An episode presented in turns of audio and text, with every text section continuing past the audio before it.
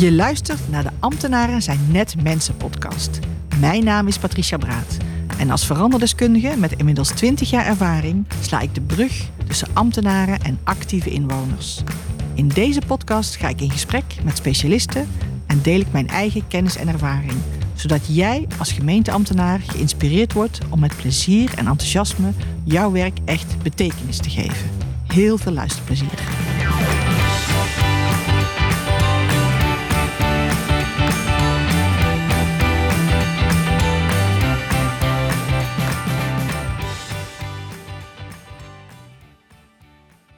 Welkom bij de podcast Ambtenaren zijn net mensen. Vandaag wil ik het graag met jullie hebben over luisteren. Luisteren is een van de belangrijkste vaardigheden voor goede communicatie, maar ook een van de meest onderbelichte. Sommige mensen zijn van mening dat luisteren inhoudt dat als de een praat, de ander zijn mond houdt. Maar hoor je eigenlijk wel wat de ander zegt? Of nog beter, begrijp je ook wat de ander bedoelt? Veel conflicten op het werk of privé komen voort uit het feit dat we iets niet goed verstaan hebben of niet goed hebben begrepen. Luisteren is niet eenvoudig. Echt goed luisteren is best moeilijk eigenlijk. Ga maar eens bij jezelf na. Hoe vaak heb je de laatste week gedacht: dat had ik anders begrepen of dat heb ik niet meegekregen? Dat we niet altijd goed luisteren is op zich niet zo gek. Maar als je merkt dat je heel vaak problemen ervaart in je communicatie, dan is het belangrijk om je luistervaardigheid eens te onderzoeken. En ik realiseer mij ook dat het vaak makkelijker is om de schuld bij de ander te leggen. Zijn verhaal was gewoon niet duidelijk of hij heeft dat niet zo goed uitgelegd.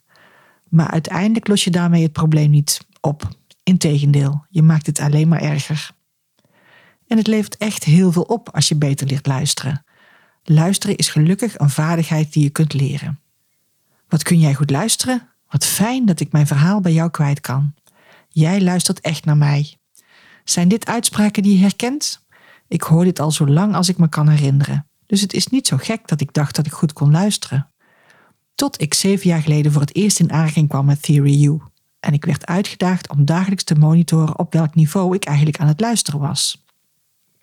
Theory U onderscheidt vier niveaus van luisteren. Niveau 1 is downloaden. Luisteren met intentie om vooral ook te vertellen wat je herkent of wat je ook hebt meegemaakt. Dit doe je vaak uit gewoonte. Hierbij wacht je eigenlijk gewoon tot de ander klaar is met praten. Niveau 2 is feitelijk luisteren. Luisteren waarbij je de feiten hoort en deze ook checkt aan wat je zelf weet. Je merkt de verschillen op over wat de ander je vertelt. Maar ook hier ben je vooral bezig met je eigen verhaal en argumenten, ook al luister je wel aandachtiger. Niveau 3 is empathisch luisteren. Luisteren met je hart. Je maakt een connectie met de ander en probeert de ander te begrijpen. Niveau 4 is generatief luisteren.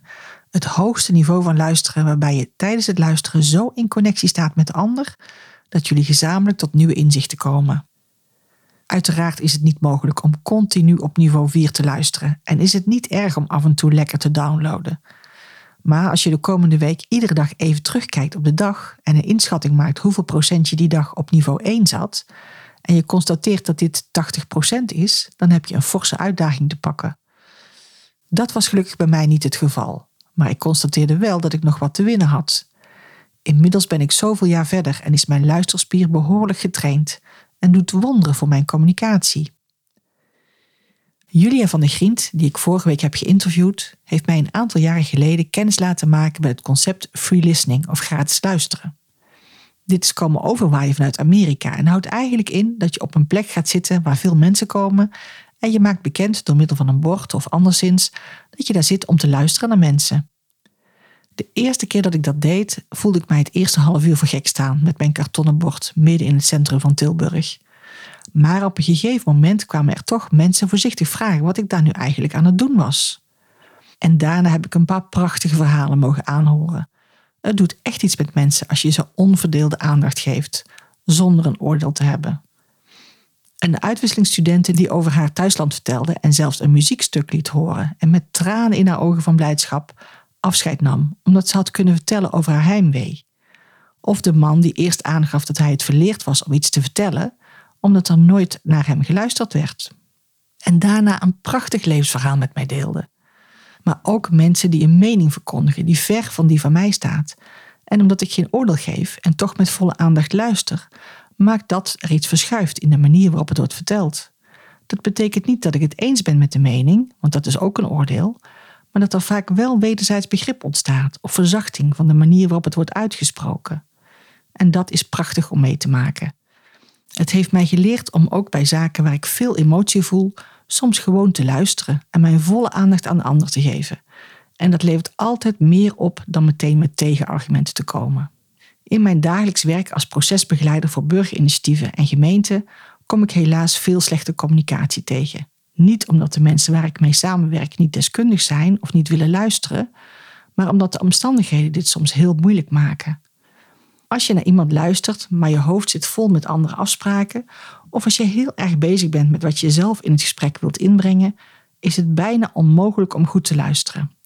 Het probleem met luisteren is niet alleen dat we soms ook echt niet horen wat er is gezegd, omdat we met onze eigen zaken bezig zijn, maar vooral ook dat we wat we horen inkleuren op basis van onze eigen ervaringen en overtuigingen. Hierdoor pik je vaak alleen op wat je wilt horen. Of je geeft er een verkeerde uitleg aan. Zoals die keer toen een ambtenaar tegen een aantal burgers die met een burgerinitiatief dat ik begeleide bij hem kwamen, zei dat hij het belangrijk vond om op zijn handen te blijven zitten, want het was tenslotte een burgerinitiatief. Hij bedoelde daarmee dat hij het belangrijk vond dat hij de burgers alle ruimte moest geven om het initiatief naar eigen inzicht in te vullen.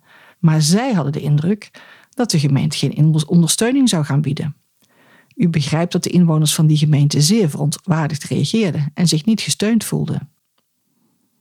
Of de wethouder die zegt dat er eerst onderzoek gedaan moet worden voordat er een beslissing genomen kan worden. En de inwoner die dan zegt dat is ambtenarentaal voor uitstel. De bedoeling van de uitspraken wordt op basis van allerlei aannames van beide kanten ingevuld. Als je erop gaat letten, dan zul je merken dat er door de dag heen heel veel van dit soort momenten zullen zijn. En dat is een prima voedingsbodem voor conflicten, slechte resultaten en onbegrip. Dus als je jezelf aanleert om goed te luisteren, dan verbetert je communicatie. Je wordt effectiever en het is gemakkelijker om verbinding te creëren met je gesprekspartners. Bovendien is het ook belangrijk om niet alleen met je oren te luisteren, maar ook de non-verbale signalen op te pikken.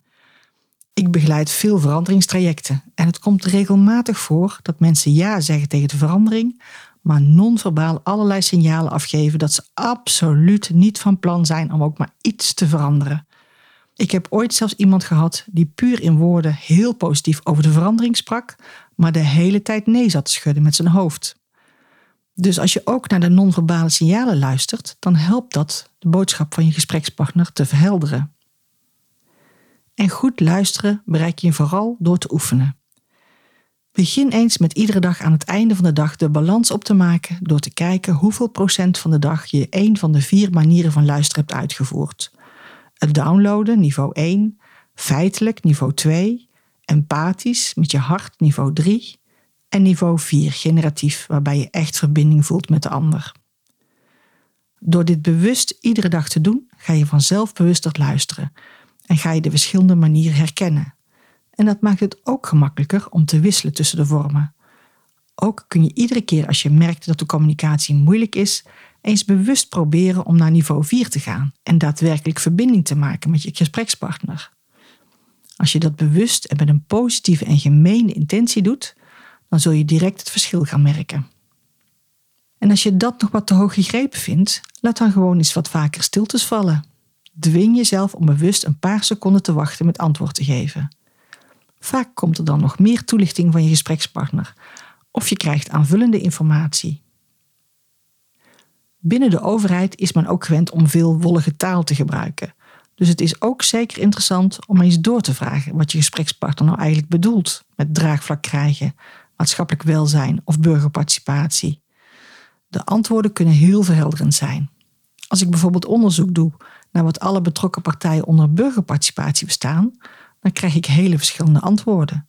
En dat is ook logisch, omdat iedereen een ander belang heeft, binnen een andere context met het onderwerp te maken heeft, of zijn of haar eigen ervaringen en overtuigingen meeneemt. Ik hoop dat jullie allemaal de komende tijd jullie luisterspier zullen gaan oefenen. De communicatie zal er zeker door verbeteren. Veel succes en tot de volgende podcast. Dit was weer een aflevering van de podcast Ambtenaren zijn net mensen. Heel erg bedankt voor het luisteren. Je kunt je abonneren op de podcast via je favoriete podcast-app, zoals bijvoorbeeld Apple Podcast of Spotify. Was het een interessante aflevering voor je? Laat dan een review achter op iTunes of deel de podcast met een collega. Heb je vragen naar aanleiding van de podcast? Neem dan gerust contact met mij op. Tot de volgende podcastaflevering.